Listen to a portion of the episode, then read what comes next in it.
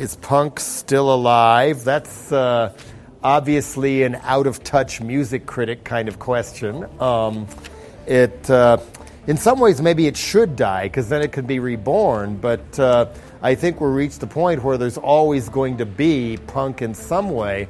I mean, the sound of punk and the look of punk is not necessarily part of it anymore. I mean, boy bands look like Johnny Rotten or Sid Vicious, and pop punk bands sound like boy bands.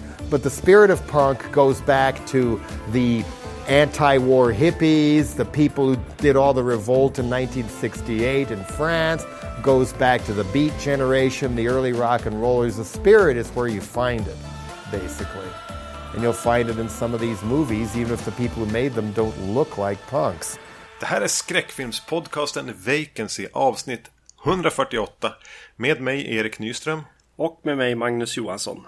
Jag tänkte börja med att eh, slå ett litet slag för ett gästspel jag har gjort i eh, Titta de snackar. Emil från den podden var ju med eh, i föregående avsnitt när vi pratade om Alien Covenant. Så nu återgäldade jag väl det, den tjänsten genom att vara med och prata om Twin Peaks.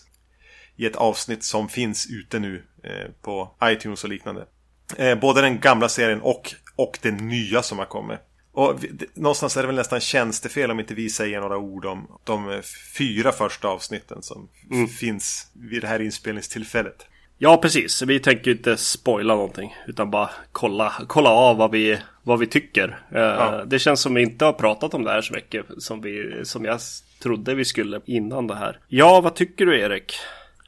Ja, eh, redan när- det rullade igång eh, så kunde jag ju hitta många saker som, som skavde. Alltså det här eh, jättedigitala fotot, att det är så tyst hela tiden. Eh, Att man helt plötsligt ska vara på andra ställen än i Twin Peaks var ju framförallt obekant. Ja, Men sen inser jag ju någonstans, sträcksåg tre avsnitt, att jag satt ju och tittade på det här utan att andas. ja, Att jag var på det här lynchka sättet hypnotiserad. ja. Och då måste det ju vara bra. Även om jag kan hitta massor med saker som jag inte tycker fungerar så kanske det gör det ändå. Oron har ju någonstans varit ändå att, så här, eller förhoppningen kanske jag ska säga snarare, har väl varit att David Lynch har fått att han får göra David Lynch på något sätt. Och vad han vill av det här på något sätt. Utan influens från vad heter det, marknadsundersökningar och, och oss som tittar och så vidare. Eh, men också från, från produktionsbolag och sånt. Eh, och eh, det har han ju fått göra känns det ju verkligen som här. Jag har svårt att tänka mig att det är någon som har varit inne och petat i det här. Nej, precis, exakt. Så det är ju jäkligt skönt. Eh, För mig blev det, blev det lite av samma sak liksom så här. Oj, vart det, vart det Twin Peaks? Ja, eh, ett irritationsmoment är ju förtexterna för mig. Där liksom originalserien var ju liksom, ja, bland det bättre som har gjorts på något sätt. Och, eh, och här så eh, som skyndas Eller skynda kan man ju kanske göra nu för tiden känns det som. Att det, att det skulle vara lite snabbare så här. Men just de här Alltså fågeln och sågverken och skylten och allting. Just valet av vilka bilder man använder liksom. Är ganska tråkigt här. Men det gäller ju sen eftertexterna också som är verkligen så här. TV på 80-talet. Ja, precis. Eller, eller har jag någon så här textskylt i min, min digitala kamera som jag kan rulla liksom inbyggt i kameran på något sätt. Ja, det var lite tråkigt. Men det, ja, och du, du drog det till det digitala fotot helt. Ja, jo, det stämmer väl kanske. Ja, och de glimtar man får av Twin, Twin Peaks och, eh, och så blir man ju väldigt glad av. Det finns liksom en kontrast mellan det här eh, väldigt lynchiga eller liksom, eller lynchiga, det här liksom, ja, ja men en, en eh, lynch kortfilm liksom på något sätt som dyker upp lite då och då och vissa avsnitt är hela det Ja. i någon slags drömvärld på något sätt. Eh, och kontrasten till det som är i verkliga världen så att säga. Den, den har jag inte riktigt greppat än känner jag. Jag måste se hela serien Ja. känner jag innan jag kan prata. Det känns verkligen som att man har i princip bara sett första fem minuterna av en film. Ja, precis, exakt. Så, men jag är behagligt fängslad och jag fick den här känslan efter att ha sträcksett tre första avsnitten. Jag och min sambo skulle gå och lägga oss. Så upptäckte jag ju att, att på något sätt har det här programmerat om lite grann hur jag tänker och lite hur jag uppfattar omvärlden. Ja, Det är få andra som klarar av det. ja precis. Jo, Jag drömde konstigt på natten också. det gjorde jag också. Eh, Och vi gjorde ju samma sak tre och så sen en dagen efter. Eh, Och därefter de här tre avsnitten så hade jag också konstiga drömmar. Mm. Så jag är ändå, jag ser verkligen fram emot fortsättningen. Ja, absolut. Och bara Samma haka på det här vart än det nu bär. Precis. Då kanske vi ska återgå till ordinarie dagordning. Ja, precis. Eh, Innan vi går vidare tänkte jag notera också att både jag och du är lite förkylda om vi pratar konstigt. Ja, lite grötigt i halsen och nasa nasalare än vanligt. yes. I det här avsnittet så ska vi prata om eh, vad vi kallar ny film. Eh, vi tänkte Ja. Ta en liten eh, genomgång på lite film som har kommit på typ den senaste tiden. För oss i alla fall. Precis. Och eh, vi ska prata om eh, Green Room från 2015 och Under the Shadow från 2016. Eller Under skuggan som den heter på Netflix. Ja. Eller på svenska. Ingen annan koppling mellan filmerna egentligen än just att det var två filmer som jag har velat se som är eh, inom skräckgenren och eh, lite nyare. Så vi håller oss lite uppdaterade. Yes. Vi börjar med Green Room va? Ja, ett eh, lite halvrisigt punkband på turné i eh, USA får ett gig eh, på en klubb mest riktad till högerextrema nazi, neonazipunkare. Innan de, eller efter de har klarat av sitt, sitt sätt. Oj vad jag pratar direkt översatt där från engelska. Nåväl.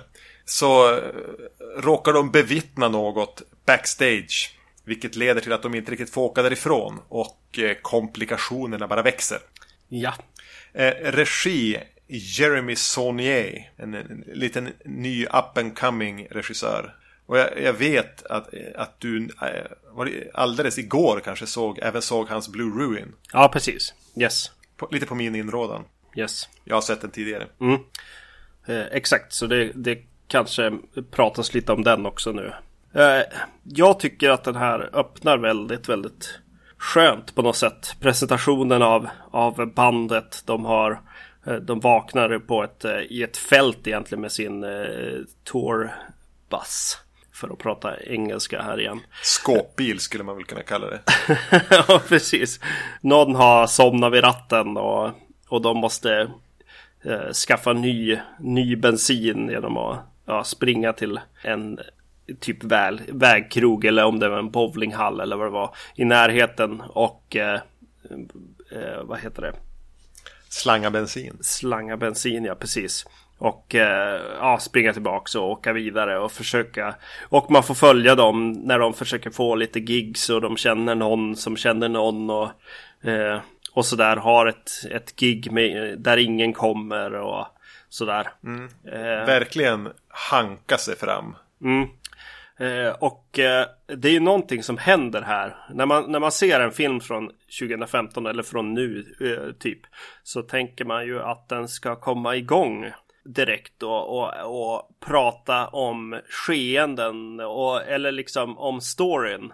Snarare än karaktärer och någon slags uppbyggnad av världen som den utspelas i. Men eh, den här tar sig ju eh, lite tid till det. Och eh, som vi sa om Alien Covenant, eh, att den inte gjorde så låter den här filmen eller låter den här regissören filmen andas lite grann innan, innan den går igång på något sätt. Den, ja det var någon som skrev om Alien Covenant som var väldigt spot on på något sätt. Att så här, istället för att, att fokusera på 60 grejer så kan man ju fokusera på tre och göra det liksom. Eh, mer intressant liksom och, och faktiskt berätta om någonting på något sätt. Istället för att skynda igenom en massa Hinna till så många hållplatser som möjligt. Ja, precis. På ett rätt dåligt sätt. Ja, och här, ja, här är ju den kontrasten väldigt skön. Att, att den här filmen ska egentligen bara berätta om, om det här bandet och det här gigget som går snett på något sätt. Och för det här är ju en, en scen, om man ska kalla det för det, som man inte vet så mycket om. Framförallt inte hur den ser ut i USA 2015. Bara, hur ser punkscenen ut där? Det låter ju ändå en få ta in det. Och vad de här är för typ av band. Och vad de är för typ av människor. Ja. De verkar vara, det handlar ganska mycket om att dricka också. Och, och bara hanka sig fram. Och um, kanske, kanske ge upp. Ja, precis. Eh, Så jag håller med, den, den låter det där få ta... Alltså det, det, jag vet inte om den bygger karaktärer så mycket som den bygger en värld.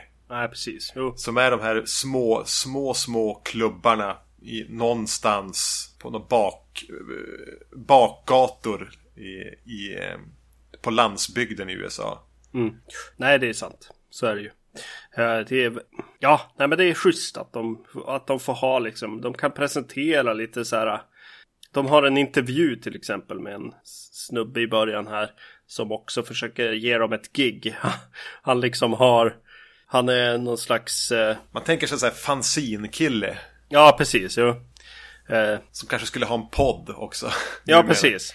Det känns som han skriver för någon, eh, någon, någon punktidning. Han har en punk eh, eh, podcast och han eh, är också den som hjälper band att få spelningar på något sätt. Han är hel, hela ekosystemet själv liksom. Ja, det, det är bara det att han inte kan spela själv. Nej, precis. Det är säkert han som läser sina fanzines också på något sätt. Mm. Och det är ju ganska schysst eh, sekvens på något sätt. Presentera karaktärerna ganska snabbt och ytligt ändå på något sätt. Men eh, som också presenterar någon slags kul punchline på något sätt. Eh, så har den lite det här tight indie-americana skimret över sig. Att det här är någon som kan, men någon som jobbar inom en, med, med en mindre budget. Och som eh, har sett väldigt mycket amerikansk film. Mm. En eh, regissör som, som jag känner förmodligen är någon slags inspiration som jag även ser i Blue Ruin är väl ändå Sam Peckinpah. Är den jag Jo. tänkte på.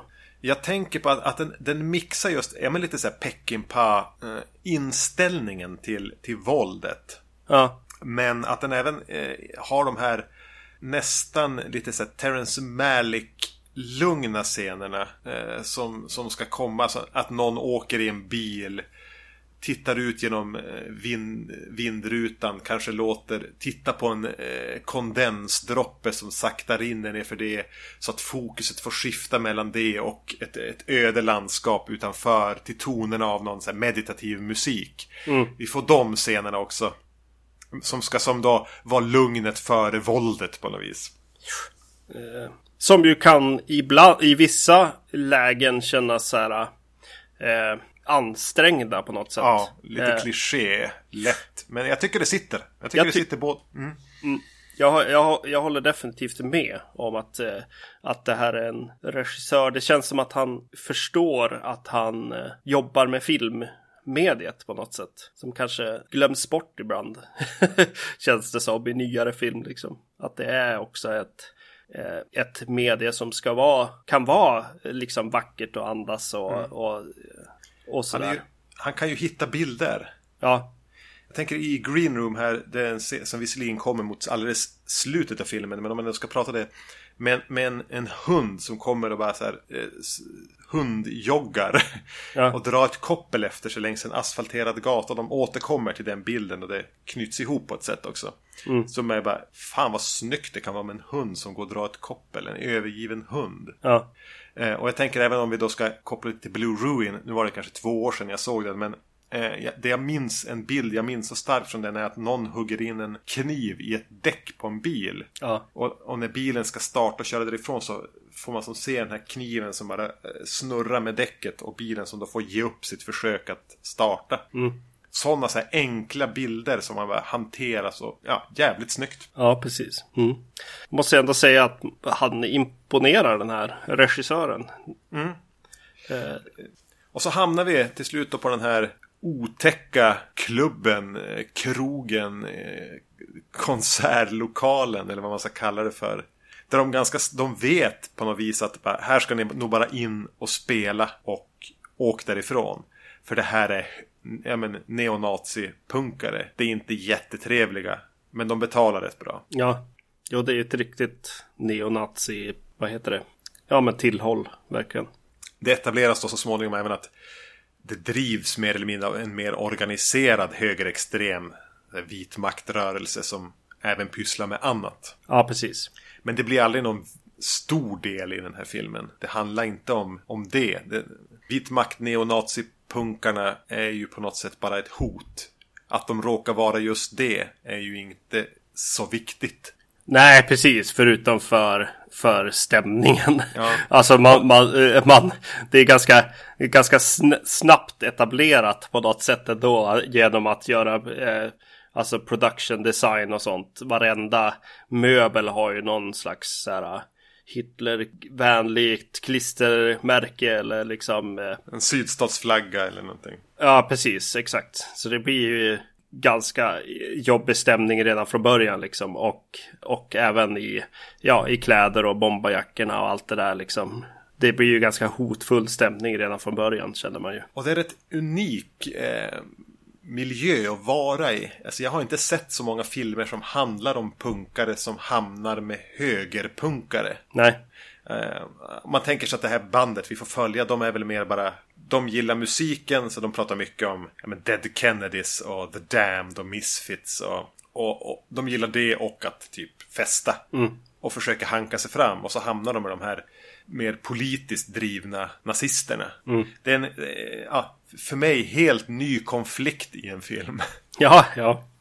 Eh, det känns ju fräscht. Ja, det gör det. Och då presenteras vi för ett, alltså lite olika, alltså den är ändå mån om karaktärerna, både i nästan lika mycket om karaktärerna som hör till, ja men de kanske jobbar på den här eh, haket eller eh, vad, vad, kallas det för? Så här, road inte road manager, absolut inte, men den som tar emot dem och liksom presenterar här ska ni vara, ställer en utrustning där, behöver ni trummorna som hör till stället eller kör ni med era egna grejer? Att den ändå eh, eh, är lite så här vad jag tänker realistisk vad gäller ett, ett, ett turnéliv och ett gigliv. Ja.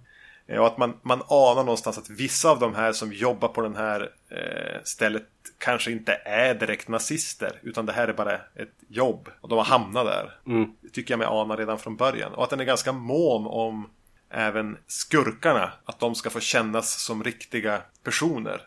Ja, precis. Och just att de har eh, eller de presenterar ju egentligen chefen så att säga för den här eh, stället eh, redan innan liksom när de kommer. Till exempel att, att eh, hade väldigt mån om att eh, korridoren är väldigt, väldigt fri från från eh, gigmaterialet eller från instrument och sånt. För det kan ju börja brinna liksom. Alltså brandsäkerhetsgrej. Ja, precis. Lite eh, nazistisk runt det. Eh, nej. Eh, och sen är det så här hårdmjuka thugs. Men det är en, de hamnar i ett rum då så småningom. Ja. Eh, med, med en som får som uppdrag att vara där inne med dem och se till att de stannar där. Han heter Justin. Mm. Skådespelaren heter Eric Edelstein. Jag, ingen jag känner igen. Men det är en sån här briljant casting. För det är en sån här stor, eh, shabby, muskulös kille som ändå har någonstans finns det en väldigt värme och mänsklighet i ögonen och egentligen i ansiktet. Ja. Men han får en hotfull roll och är liksom den som ska se till att de stannar i det här rummet. Mm. Uh, och uh, Jag vet inte om jag läser in för mycket men jag tycker hela tiden finns en så här att, ja, men jag inte att han inte riktigt är bekväm i det här. Att han är kanske inte helhjärtat på, på uh, de elackingarnas sida ändå. Han kanske är där till 85 procent. Ja. Men till 15 procent så är han ganska osäker här. Och är, hade hellre velat vara hemma. Mm. Sådana såna nyanser finns i många av elackingarna. Eh, vilket gör att de egentligen inte bara blir elackingar. Sen finns det ju en till karaktär. Som jag antar att du skulle vilja prata om ändå. Som heter Gabe. Eh, som väl är nästan den här, ja men han som är ansvarig för, för, för giggen där. Mm. Som spelas av Macon Blair som är med i Blue Ruin. Han spelar väl huvudrollen i Blue Ruin. Ja, precis. Exakt. Som ju är ett sånt här sjukt fynd. Ja. För jag har, jag har ingen aning om den här. Jag har sett han i Blue Ruin. Och jag tror han är med i, i Jeremy Sonias första film också. Eh, Murder Party, ja. ja. Just. Jag, jag, jag, klickade hem den DVDn eh, här efter jag hade sett Green Room. Just det. Ja. Eh, som är, också har de här, den här, de här snälla ögonen och någonting som bara känns som att han har levt ett liv. Mm.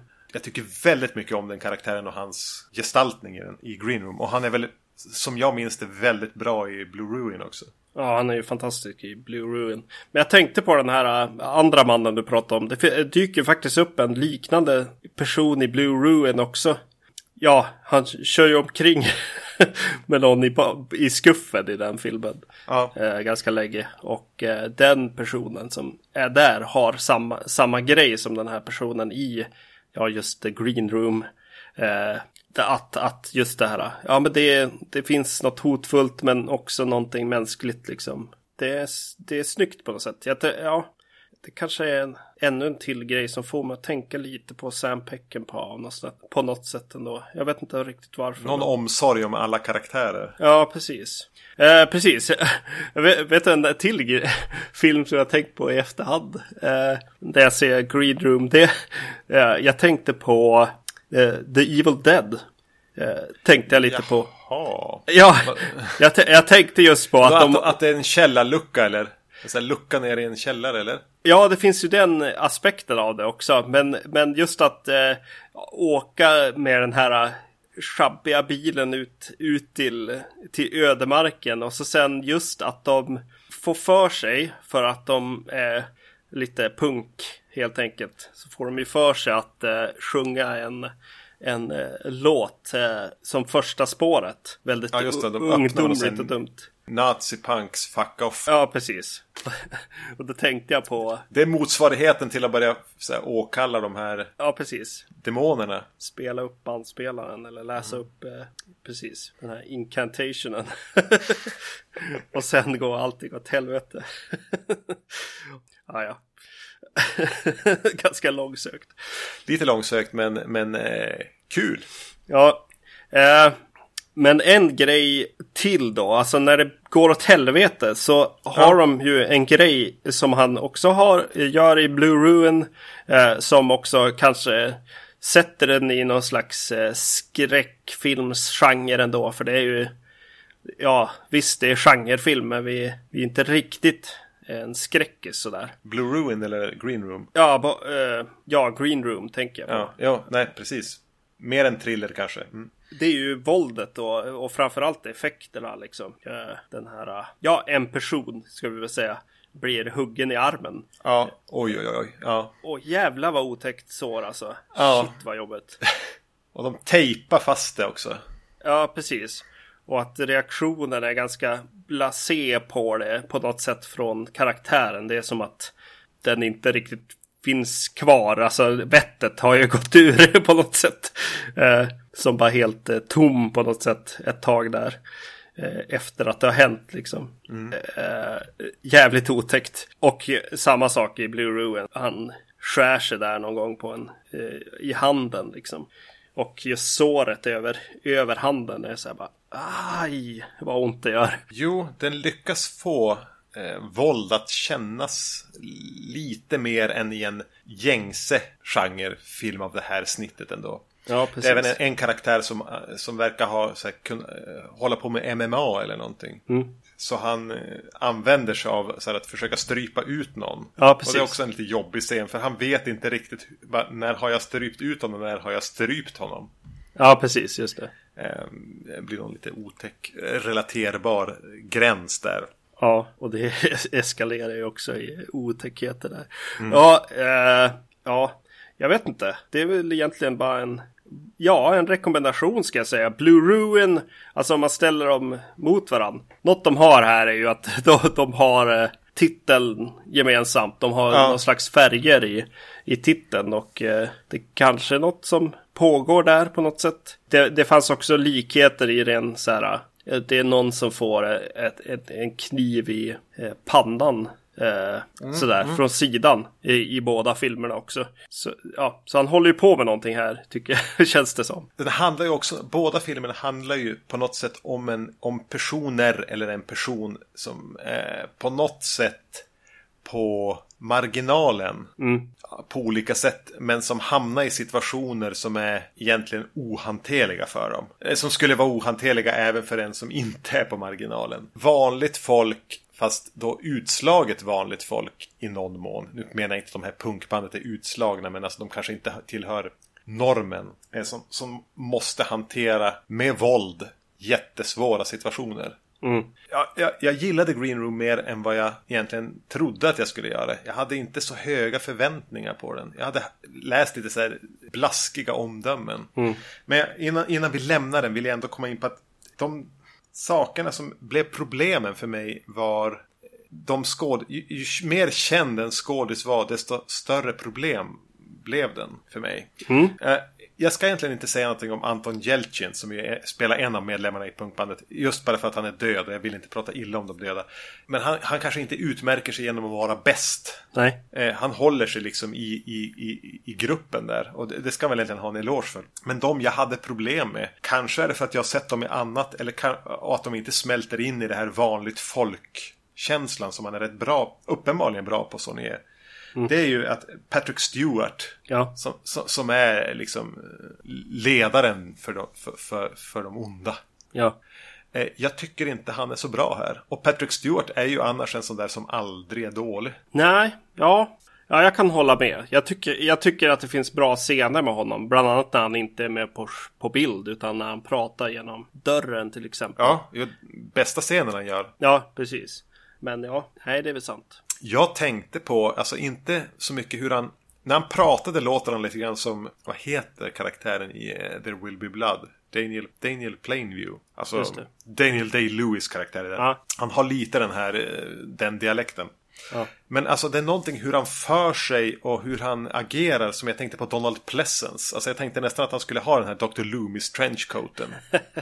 Så jag tänkte, satt ett tag och bara, "Eh, undrar hur det hade varit. Donald Pleasence i den här rollen. Men en annan som jag hade svårt med var, jag vet inte hur man uttalar hennes förnamn, men Imogen Poots. Ja. Som spelar då en som inte hör till bandet men, men hamnar på deras sida. Ja. Och jag tyckte inte hon fungerade trots att hon hade klippt eh, sig eh, noga i en, en sån här retropunk-frisyr. Ja. Så var hon det svagaste, tillsammans med Patrick Stewart, det svagaste kortet. Ja, alltså man fick ju aldrig grepp på den karaktären ens en gång. Så att det finns väl någonting där i också kanske. Men ja, Nå- någonting var problemet, kanske är det karaktären som är problemet. ja. Du har ju inte sett Arrested Development så mycket va? Eh, ett av två avsnitt kanske. Ja, just det. Jag tycker inte att humor är kul. Nej, för hon den andra eh, kvinnan i bandet spelar Maybe i den eh, serien. Eh, så det kanske var tur då att du inte hade någon förutfattad mening. Men hon är ju i och för sig. Ja, jag tycker ju bäst att det är roligt att se henne igen i, i någon roll liksom. Nej, för mig var hon ju bara ett, eh, någonting, ett nytt ansikte. Ja, just det, just det. Mm. Det lustig sak hände med ändå när jag hade sett Green Room var att jag gick och, och la mig och, och sov. Och under natten drömmer jag en fortsättning på filmen. Jaha, okej. Eh, jag ska- jag ska inte tråka ut med att berätta om min dröm allt för mycket men det, det, det en karaktär mot slutet av filmen kommer till, ett, till en, en grupp människor och säger We need police, we need the police. Ja.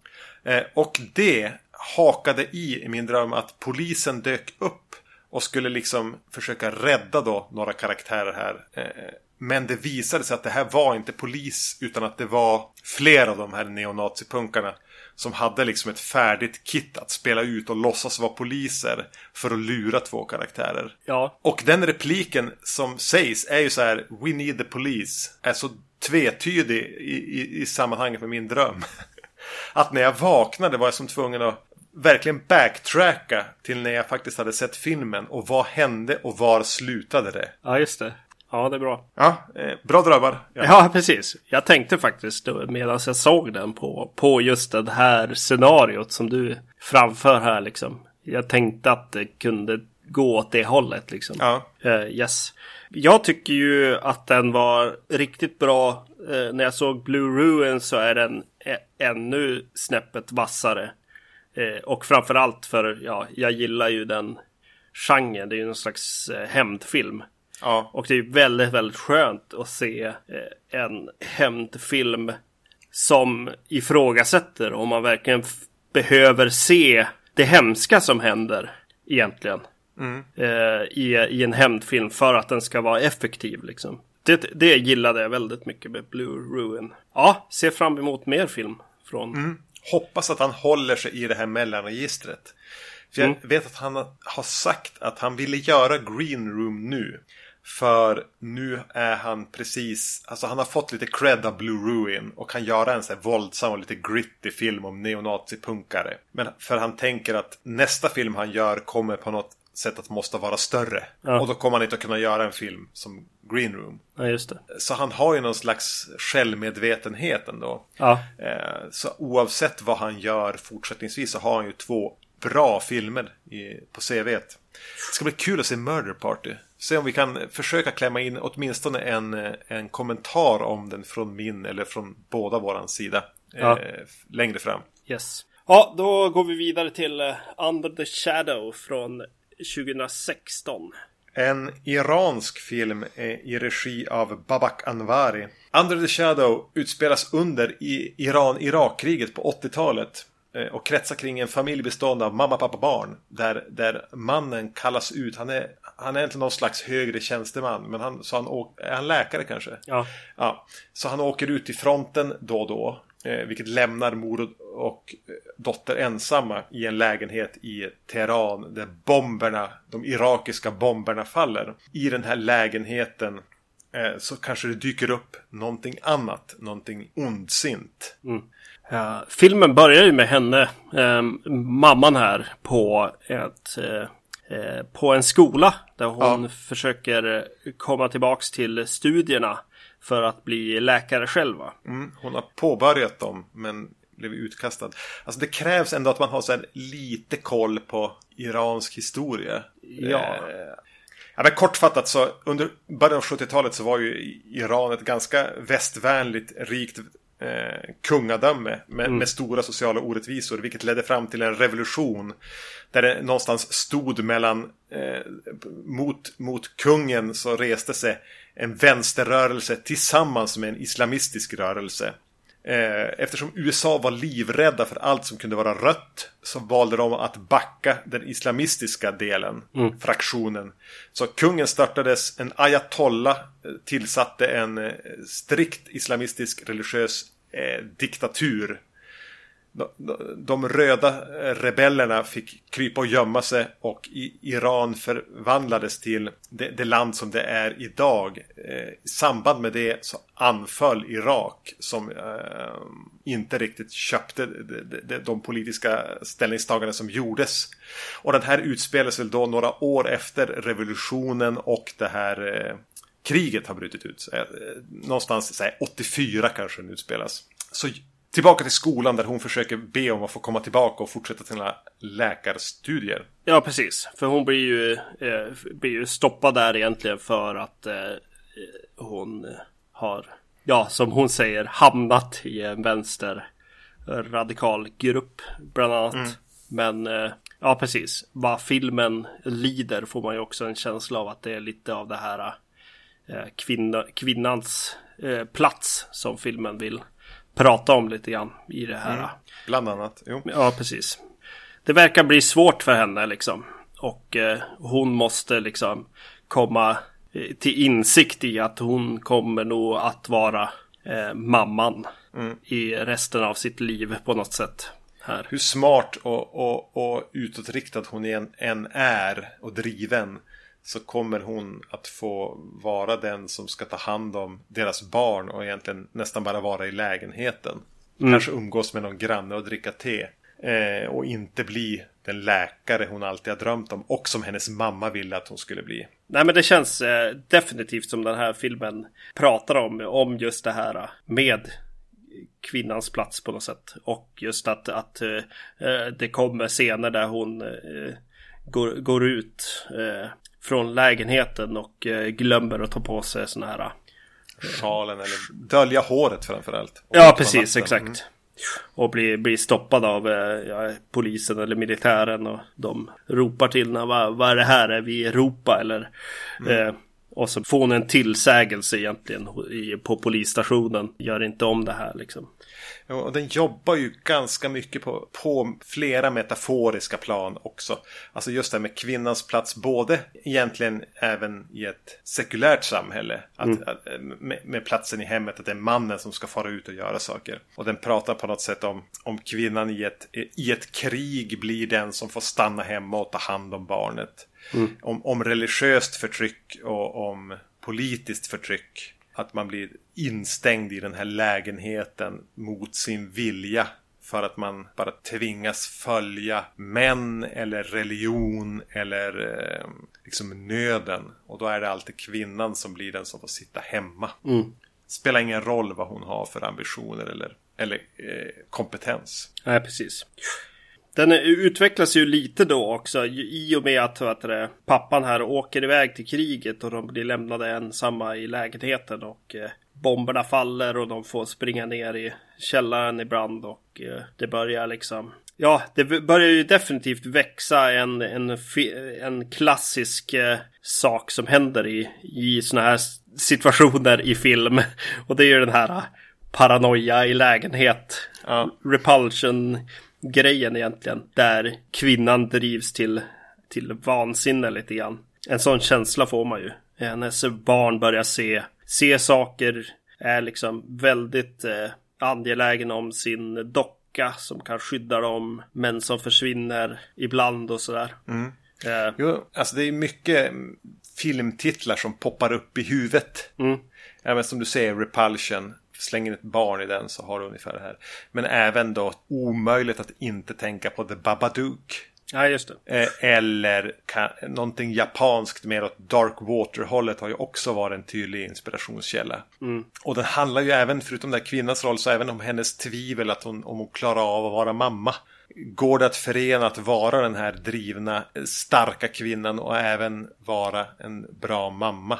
Tvivlet som finns kanske hos omgivningen. Mm. Jo, det är ju en lite mer också så här. Ska man alltid vara i samma rum som sina barn och sånt där? Man, man får ju mm. en jäkla känsla av att man hela tiden vill att hon ska ha koll på sitt barn också. Jo, tejpa fast hon vid kroppen är ju ja. liksom det man själv sitter och känner. Men och det är väl det filmen lite vill att man ska känna. Ja, precis. Exakt. Det är, och är det verkligen de kraven man ska ha på någon som är hemma med sitt barn? Ja, precis. Eh, det, ja, det är snyggt alltså. På, ja, ja, den lyckas väva in mycket sånt. sånt. Alltså den mm. jobbar mycket med olika typer av nivåer i, i metaforer. Mm. Eh, tyckte du att den kändes både i färger och lite hur lägenheten såg ut och lite hur lägenheten fotades eh, ganska japansk? Att den... Ja, precis. Jo, jo, det gjorde den väl. Ja. För det är ju som en färgskala och eh, en, eh, vad heter det? textur man inte riktigt är van vid och en planlösning man inte är van vid. Man är som i en väldigt främmande miljö. Och då, då blir man ju som skräckfilmstittare, då, då, då drar man ju åt, åt typ Darkwater-hållet. Eller, eller annan japansk skräckfilm. Men, Men även lite grann bara hur den känns och hur den Eh, miljöerna och och, och, färger och toner och allting. Ja, jag, jag håller med till viss del. Men jag tänker också på de här eh, mexikanska och spanska liksom. Eh, regissörerna, alltså Nils Petter Sundgren skräck lite grann. Mm. som vi kallar det.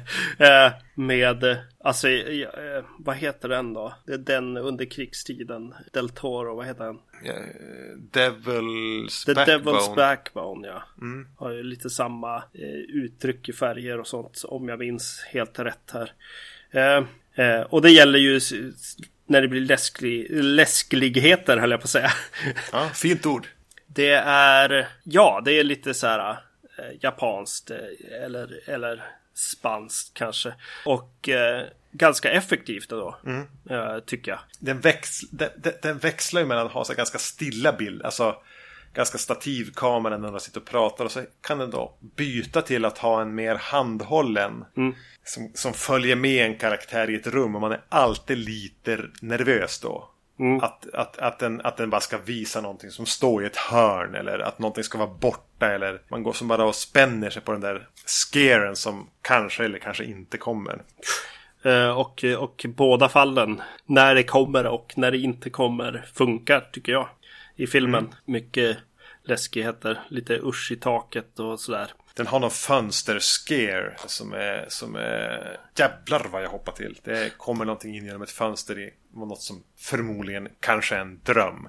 Ja. Eh, mm, bra, bra hoppa till. Ja. Alltså, ja, alltså det känns som att eh, lite av det här att så här, ja, det är ju inte mitt, min plats egentligen att överanalysera den här eftersom att jag inte har så mycket Eh, information liksom att komma med och att jag är så här svensk eh, ateist liksom. Eh, så blir det lite, lite svårt med det här. Men det, det finns ju definitivt någon, någonting i Både i det här, alltså att man vill prata om Iran och, och kanske islam och kvinnor och sånt. Eftersom att när det väl börjar dyka upp kanske, kanske ett monster eller en, en liksom något fysiskt av vad hon är liksom rädd för egentligen. Mm. Så har det ju, är det ju väldigt kodat för liksom religionen på något sätt. Eh, jo. Det som dyker upp och, och särskilt att man börjar liksom nästan drunkna i det här liksom på något sätt. Och tappa bort sina nära och kära och sig själv lite grann i det liksom. Jo men det är ju någonting med att den här kvinnan är ju ganska tydligt sekulariserad och inte speciellt troende alls. Och kanske drag åt att vara självupptagen också. Och inte beredd att hänge sig åt det här undergivna religionen, familjen, mannen. Mm. Och att då någonstans, som du säger, drunkna nästan i det här Mm. förtrycket. Mm. Så det finns ju snygg symbolik som egentligen dök upp dagarna efter jag sett den här filmen. Att så här, oj, jag skulle ha skrivit mer om, om den här filmen för jag, jag går och tänker på den. Och, och jag tycker att eh, filmskaparen här har något att säga och säger det på ett ganska eh, tydligt sätt med symbolik ändå. På ett ganska skönt sätt. Mm. Och ganska enkelt och, och ganska litet. Den är ju nästan ett kammarspel det här. Mm. Ja, precis. Den påminner om huset som Gud glömde också. På något sätt i det. Att så här, det är i det här huset liksom som det här mm. händer och så. Nu är det här, så här ett, ett lägenhetskomplex, inte en, en villa, men ändå att ja, allting är bundet till huset. Och får de ju möjlighet att presentera lite karaktärer där som kan vara en, en, utgöra en trygghet. Men då är ju Teheran i det här läget alltså en, en stad som nästan håller på att evakueras undan de här ständiga missilerna som regnar över staden. Mm. Så att folk så här, flyttar ju eftersom. Mm. Och hu huset liksom förändras i karaktär liksom. Mm. Både av det och av kriget i, i sig också.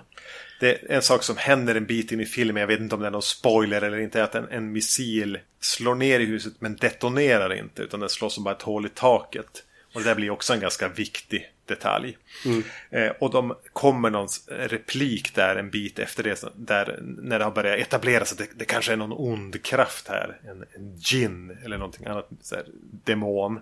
Eh, Mm. att att ja, den här missilen den hade med sig någonting. Just det. Det är en så här schysst mysrysig tanke. Att den, den kom med någonting som är i huset nu. Mm. Ja, det, ja, precis. Det finns Som någon... också öppnar upp för hur mycket symbolik som helst. Ja, precis. Jo, det, det är också en känsla som, eh, som också återfinns i The Devil's Backbone. Att eh, den missilen som de har där på skolgården eller vad det är. Ja. Som står där bara. Och, utan att ha detonerat liksom. Att den också är en symbol av no har kommit med någonting liksom. Lite grann. Om jag ska vara den som kommer in med någon form av kritik mot de här filmerna då. Ja. Är att den kanske får lite problem i, i tredje akten. Att den, inte, att den trevar någonstans i hur den ska stegra det här till en final. Mm. Den prövar sig nästan fram. Att den inte är självklar. Men ändå så är det en så behagligt liten film med många nyanser. Vad är den? Så här 85 minuter. Mm. Svår att inte tycka om. Precis, jo men det blir ju det. Det blir blir ju lite... Ja, jag tycker lite medel om den filmen. Det är en bra... Alltså det är att den... Just nu i alla fall så ligger den på Netflix. Och det känns ganska eh, som rätt plats på något sätt. Ja. Liksom, om, om ni inte kan välja någonting liksom. Och ändå bara egentligen är ute efter att, att eh, göra någonting, se någonting liksom. Så är ju den eh, en, en sån sak som man kan göra och se. Alltså medel, medelfilm på något Ja, men, sätt.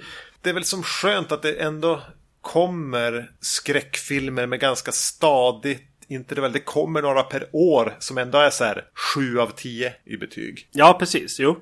Som inte är de jag bara vill springa ut och tala om för hela världen att de måste se den här filmen. Men som är så här, en 3 plus-film, perfekt 3 plus-film. Ja. Jag blir inte extatisk, men jag tycker om i princip allt med den och kan samtidigt hitta problemen. Ja, precis. Ja, lite på något sätt också som huset som Gud glömde eller Amityville Horror.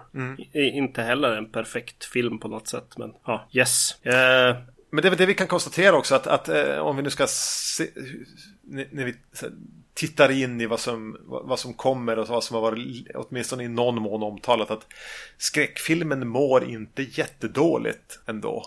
För Nej. att filmer som Green Room och ehm, Under the Shadow kommer ju trots allt. ja, precis. Och det kommer filmer av den här kalibern hela tiden. Ja, precis. It Follows, Babadook.